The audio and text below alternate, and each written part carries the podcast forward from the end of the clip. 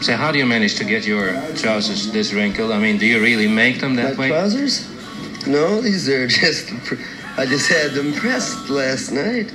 I don't understand.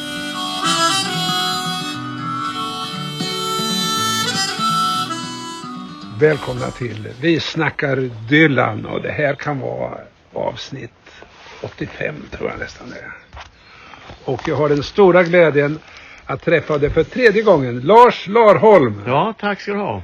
Ja, jätteroligt att ha det här. Och vi har valt I believe in you.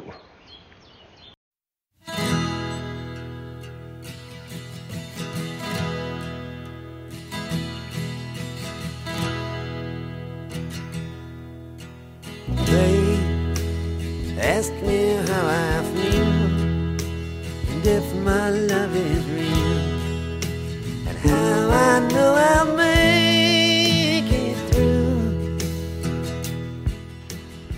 Den här låten har ju du valt. Du har gjort en översättning och en inspelning. Hur, hur gick det där till? Jo, den här låten skrev jag under den mest pressade, alltså psykiskt pressade perioden i, på 80-talet och i början. Och den är egentligen eh, en text till mig själv. Alltså, jag kände att det är någonting som glider bort från den jag egentligen är. Så att det är, jag tror på den inre bortfösta människan liksom. Så när du sjunger Jag tror på dig så Ja. är det någonting Till mig själv. inom dig Ja. själv. Jag blev väldigt inspirerad av den innerlighet som Dylan hade på sin originalinspelning där. Och det var ett, en situation när jag var precis hängande i detta med att vem, var är jag på väg någonstans? Var är jag själv? Och det var precis som det var en intuitiv kontakt va. Och det var då jag började skriva det och kände att det är, jag måste skriva en, upprätta mig själv på något sätt. Eller hålla fast vid mig själv. Mm. För det slår ju mig när jag lyssnar på, på din inspelning är ju närheten, intensiteten och en slags lågmäldhet också. Ja. Jag, där jag spelade aldrig in den då på 80-talet utan det har jag gjort senare. För det, det var inte klart liksom i mig hur, vilket, vilken attityd jag skulle ha i den.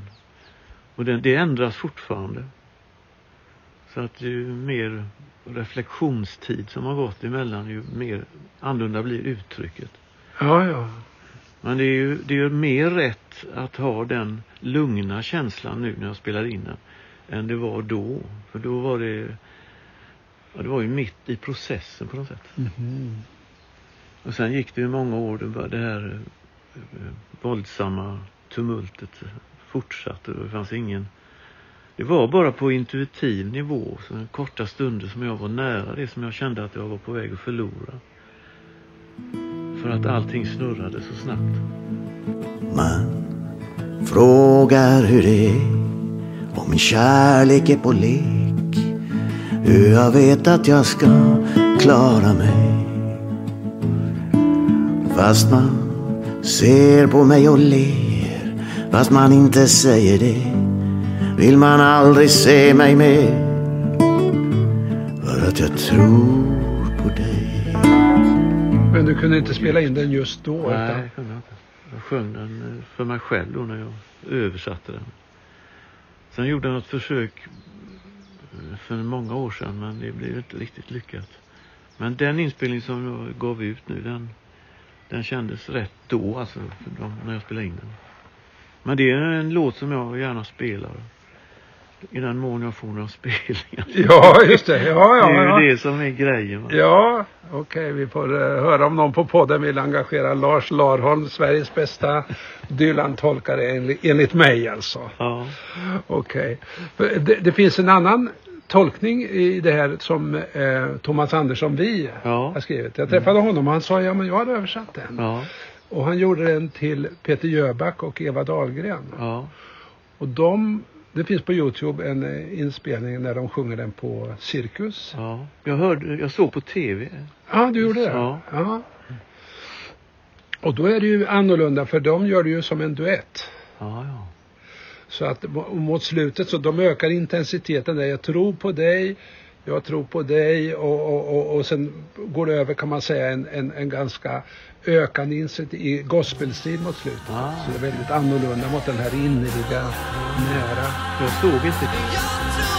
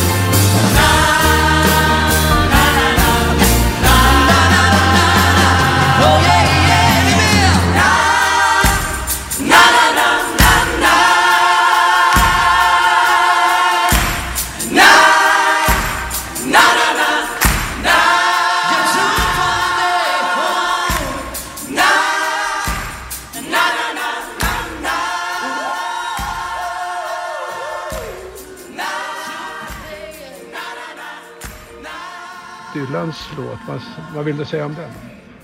Första gången jag hörde den så var just den här intensiva uttrycket som han hade där.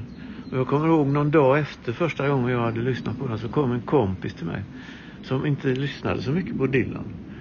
Och så hade, körde jag den och så han blev helt tagen. Och så, "Ah, kan, jag, så, så kan man göra så liksom, sa han. Och det, var, det är ju det som är eh, Dylans styrka mycket. Och när, speciellt när han träffar rätt. Att det är, det är en väldig nerv. Så budskapet går nästan igenom även om man inte hör texten. För det är så pass intensivt. Ja, visst. Den här kom ju på Slow Train Coming Ja. 1979.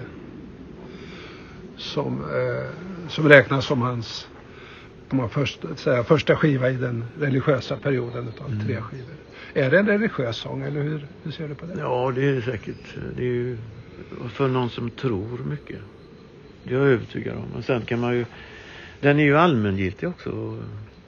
Det handlar ju mycket om att, att ja, som för mig då, att, att man tror på sig själv. Och inte sådär bara ytligt utan verkligen det som ofta går en förbi i livet.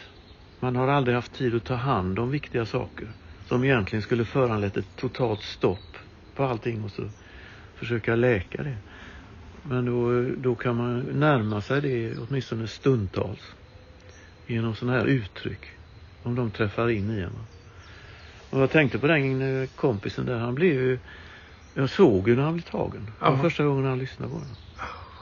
Och det var, jag kände det var som en bekräftelse på det.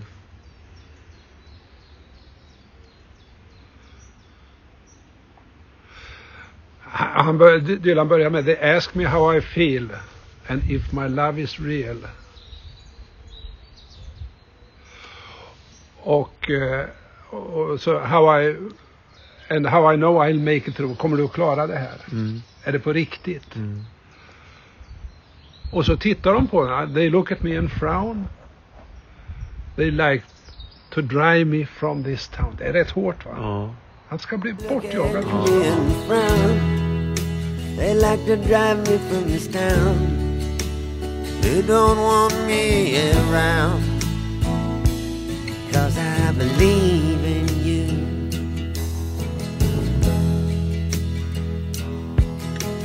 They, they show me to the door. They said don't come back no more. Och då associerade jag till när jag blev mobbad. Jag hade ju inte mycket chans i skolan. Alltså. Det var mobbning från första stund. Och då, det applicerar jag här. Hur, hur har du, eh, vilka ord har du hittat där? Ja, det, är, det är att man blir ifrågasatt. Va? Och sen så kommer jag närmare hur jag ska hantera det. Jag ska se om jag har dina ord som jag skrev ner här.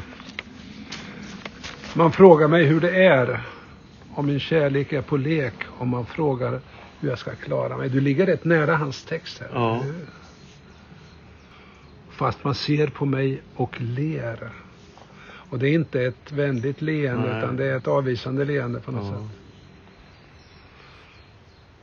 Och fast man inte säger det så vill man aldrig se mig mer. Mm. Bortföst från skolgården. kan man se det som. Det är ju många sammanhang som detta går in.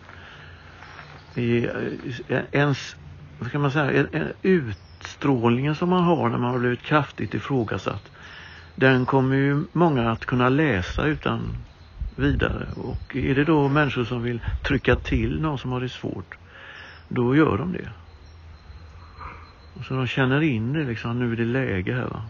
Förstod du när, du kände dig utkörd och ifrågasatt och bortkörd? För, alltså, frågade du dig själv, vad, vad är det här? Varför gör de så här med mig? Alltså, förstod du någonting utav det? Ja, nej, det var, jag var helt, eh, jag var förtvivlad bara. Jag kunde inte förstå det.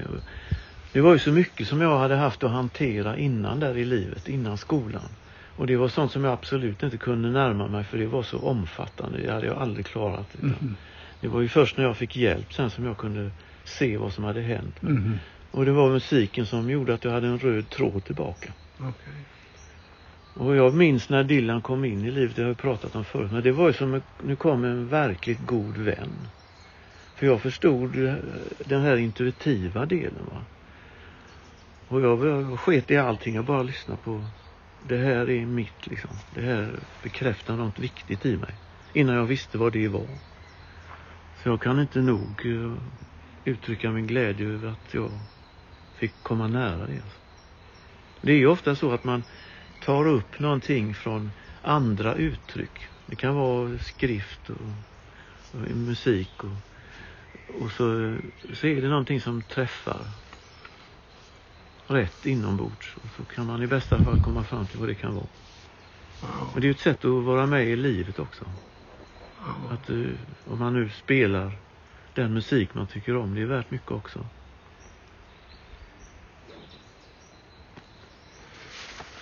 Ja. Alltså, Bob har ju skrivit en annan låt som heter I don't believe Ja. in you. Mm. Det är en I helt don't annan- believe you. Ja, det heter den va? Mm. Ifrån, eh, den, den, finns på eh, Another Side of Bob Dylan Ja. från 1964. Den har jag också gjort en grej på. Inte för dig heter den. Hur, hur ser du relationen mellan de låtarna? Ja, nej, det är inte riktigt samma sak. Det är, det är mer fokuserat på en partner än inte för dig. Men man kan också se det som en dålig mamma. Så nu får det vara nog liksom. Och det är, I mitt fall var det ju så. Ah, Den ja, låten. ja. Ah, ja. Jag kommer ihåg precis när jag skrev den. Det var Eh, en stund efter, jag, eller några år efter jag hade börjat bearbeta mitt eget liv. Och det var väldigt starkt. och Det var ju sådär. Ja, det, det, det som är bra med många av Dylans låtar det är att de kan gälla i många olika sammanhang. Att det, finns, det är inte så en, en enkelspårigt utan det finns många många sam, liksom, tillfällen där den kan applicerbar. För, för om den här eh, I believe in you, det handlar ju om närhet. Jag tror på dig och du, du sjunger det nära. Ja. Den här I don't believe in you, den, den är ju avstånd. Ja, Eh, I can't get close to her at all sjunger han där. Till Mm. henne, det är i tredje person va. Det är inte du, det är henne. mm, Jag kan inte komma nära henne. And she acts like we never have met. Hon Ja. låtsas inte om mig. Som om jag inte fanns. Alltså mm. Totalt ka- kallt Jaha, det, vänta avvisande. nu kanske jag vi tänker på olika låtar. Ja men den där I don't believe in you. Jaha, jag tänkte på en annan där. Jaha, ja. Inte In- för mig sa du. Du ja, inte för dig. eh, eh, Vad är den låten? If not for you. Nej, Så, så har han på New Morning If not for you. Jag har till och med glömt vad, vad låten heter på original. Ja men det här var ju spännande. No, no, no, It ain't me baby. It ain't me. Jaha, den ja. Ain't me. Ja men det är också så han, han skrev ju mycket sådana avvisande sånger Ja. i början, mitten på 60 It ain't me, Det är inte du som... eh, Nej, just det. Det är inte mig du vill ha. Du, du, du vill ha en sån och sån som ska vara sån och sån och sån precis som du vill. Men det är inte jag. Nej. Och som om ingenting hänt. eh, Det är också den. Alltså fjär, en fjär person. Ja visst. Men där är ju han... han blir avvisad men han avvisar också aktivt själv va? Ja. It ain't me baby. Mm. Go away from my window. Leave at your own chosen speed. I'm not the one you want, babe. I'm not the one you need. Den är värd en egen podd alltså. Den, för det är Ja, en det är fantastisk sång ju. Ja. Okej. Nej, jag tänkte på den här eh, I don't believe in you. Alltså, ja, eh, som om ingenting hänt. ja, ja, She acts like we never have met. Det är Många av de låtarna på den skivan var ju väldigt bra. Så Ja, han har gjort visst. om dem sen i väldigt attraktiva versioner. I can't understand. She let go of my hand and left me here facing the wall. I'd sure like to know why she did go, but I can't get close to her at all. Though we kissed through the wild blazing that time, she said she would never forget. But now morning is clear. It's like I ain't here. She acts like we never met. Och sen finns det ju en annan historia med Bob där han eh, säger I don't believe you. Den berömda konserten i Manchester. Ja, När det är någon som skriker Judas! Ja. I don't believe you. Mm. You're a liar, säger han.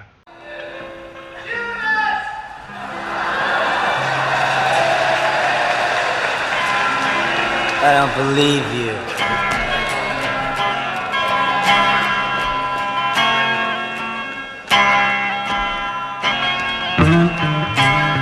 Liar.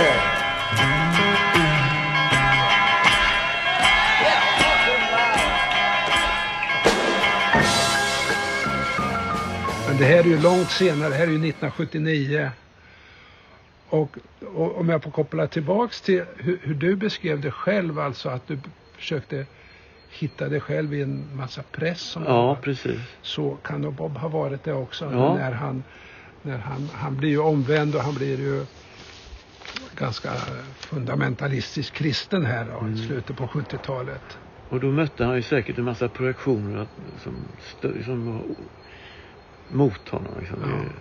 Och så, jag upp- tror att han var väldigt pressad då i sin, i sin eh, övertygelse och sin situation överhuvudtaget. Man får ju tänka på att han hade den, hela det här kapitlet innan där och en jättepublik och det fanns ju väldigt många som ville reagera. Och så. Ja, ja. Men man känner det i den sången tycker jag att han är väldigt utsatt. Ja. Samtidigt kan han bevara innerligheten och få det väldigt starka uttrycket.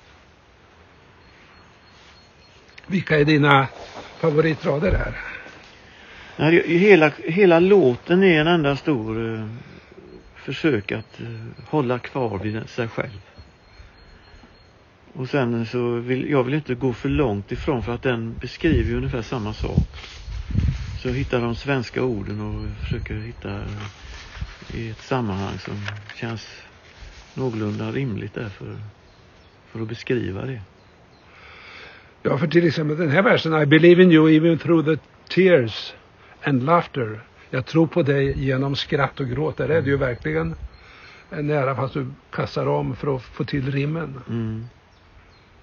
Jag blir så fascinerad. Hur, hur lyckas man få till det här att vara trogen texten och kunna få rimmen och följa samma mönster A, B, B, A och så vidare? Ja, jag vet inte. Nej. Det, var, det bara blir så. Ja. Men förutsättningen är att man är väldigt berörd av det man vill översätta. Och sen att man har något eget som man inte då får låta vältra över originalet men ändå följa det så att man kan få ett någorlunda, ja, ett annorlunda uttryck för samma sak.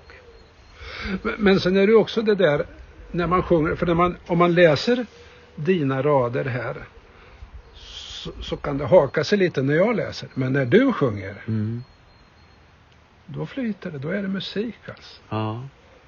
Ja, ja, det beror på det att man är i ett på något sätt med det. Du har tränat också. Ja, jag får med mig erfarenheter. Ja. Du, det finns en historia med Sinead O'Connor. Känner du till den? Ja. Nej, inte... Jag Shin, vet, det är. ja, Sinead ja. O'Connor. Hon skulle sk- eh, sjunga den här låten, I believe in you. Ja. 1992. Då var det en sån där gala på, i Madison Square Garden. Bob Dylan skulle äh, fira 30 år som artist och så är det alla är där. Alla de bästa är där. Chris Kristofferson är eh, konferencier. Och eh, så är det några som har sjungit eh, och så ska Sinead O'Connor sjunga I believe in you. Och det blir tumult i hela Madison Square Garden. Jaså. Uppror. De buar. Och Sinead O'Connor, hon står i sitt nysnaggade hår. Spikrak, stram, rör inte en min. Hon har någon ljusblå klocka dräkt. Hon står som en egyptisk staty där. Och de buar. I tre och en halv minut. Det är lång tid alltså. Hur kommer det sig? Jag ska berätta det. Ja. Och då så, eh, Chris Kristoffersson, de, de, de ropar bakom från scenen.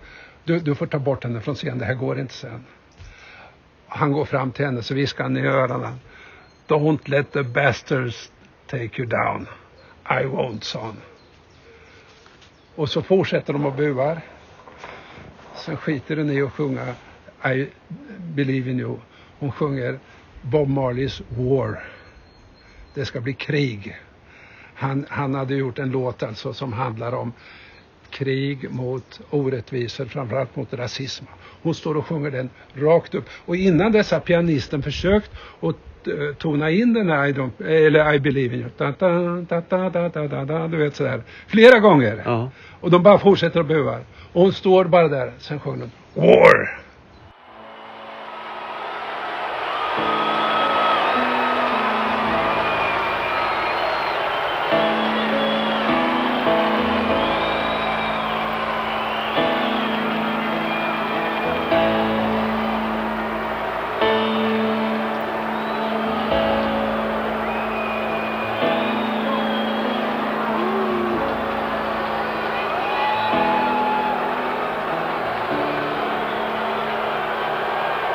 Turn this up. Until the philosophy which holds one race superior and another inferior is finally and permanently discredited and abandoned. Everywhere is war until Den finns på Youtube. Vi ska länka till den. Men varför buade de då? Hon hade varit i Saturday Night Live som alla i Amerika såg på på den tiden. Och visat upp ett, en bild på påven som hon hade rivit sönder. Då hade hon så att säga sårat alla religiösa. Hon är ju själv väldigt religiös katolik. Ja, ja.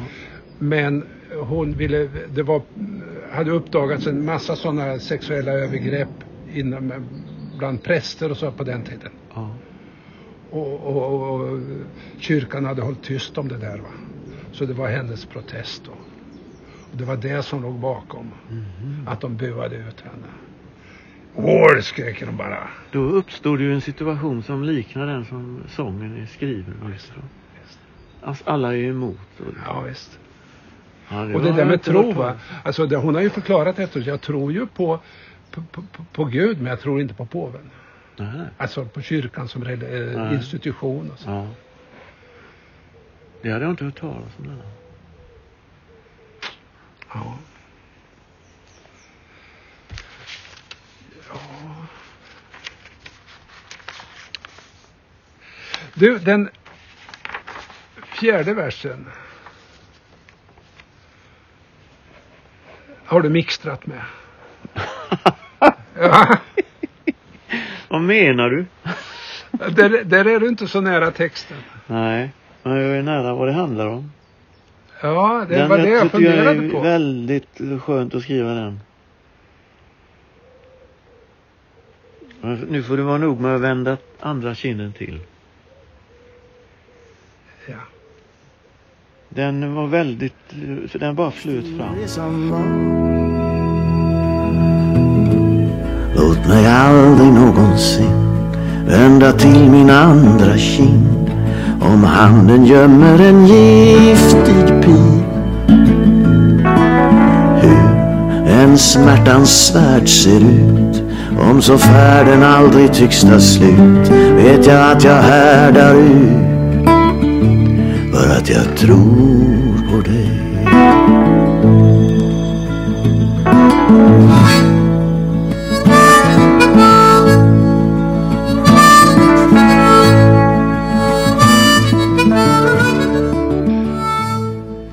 För, för Bob skriver så här, Don't let me change my heart, keep me set apart. Och du skriver, låt mig aldrig någonsin vända till min andra kind. Mm.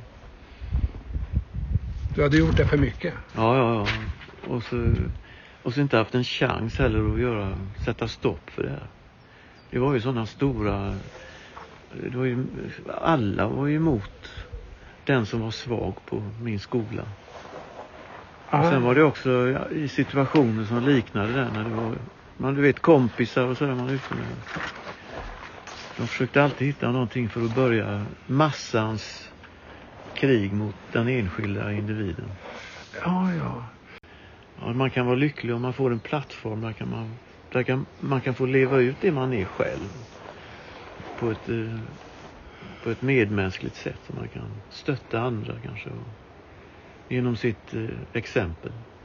Det var ju så jag kom nära de gruvligt svåra sakerna i mitt liv. Det var att lyssna på andra uttryck. Och så la jag ihop fragmenten där och så, i den takt jag orkade närma mig. Och sen var jag tvungen att få hjälp för att de yttersta stegen, är sådana trauman, det klarar man inte själv. Det är ingen terapi i sig i en musik utan det måste vara ett möte med. Och med en riktig människa. Och då får man plöts- plötsligt eh, en helt annan förståelse för sina egna försök att hantera situationen. Det går inte nog eh, tydligt att säga det. För jag reagerar om man tänker att det här är en religiös sång. Alltså, Jesus sa ju bergspredikan. Ja, Om någon slår dig med handen på din högra kind så Mm. vänd den andra kinden till. ja, men det ställer inte jag upp på. Du har gjort det för mycket. Ja, ja. Du fick det, betala dyrt för det. det finns saker som inte går att förlåta. Det finns saker som inte man ska göra. Om, man, om man har full kärna i upplevelsen av det som hotas i sitt eget liv. Då, då gör man inte så. För då utraderas man som egen individ. Man kanske strategiskt sett kan välja andra kinden till för att klara en viss situation. Men aldrig som generellt så. Det förstår jag ingenting om. Vissa saker går inte att förlåta heller. Hur man än tjatar om försoning och allting. Man kan försonas med sitt öde men man kan aldrig förlåta en annan människa som gör en så illa som man knappt överlever. Lars, det Ja. börjar bli dags att avsluta samtalet. Ja, Det var mycket intressant och det kanske låter lite töntigt men eh, jag tror på dig. Jaha, det var bra sagt. Eller hur? Jag Ja, gör det verkligen. Ja. Jag tycker det var otroligt intressant och starkt att höra dig och hur, vad den här sången har betytt för dig. Ja, det var roligt också att var, jag var ju oförberedd i princip på just vad som utvecklades under samtalet. Och då, då får man andra reflektioner och andra ingångar. Så att det blir ju en breddning för min del av den här låten. Alltså jag, jag kommer ihåg hur viktig den var och hur, hur gripen jag var att jag själv kunde formulera det. Och man har, det var precis som att hålla Dylan i handen när man, in, när man är så utsatt när man gör en sån här grej. Va? För jag blir ju utsatt igen när jag skriver den. Men det går på ändå för att jag tror så starkt på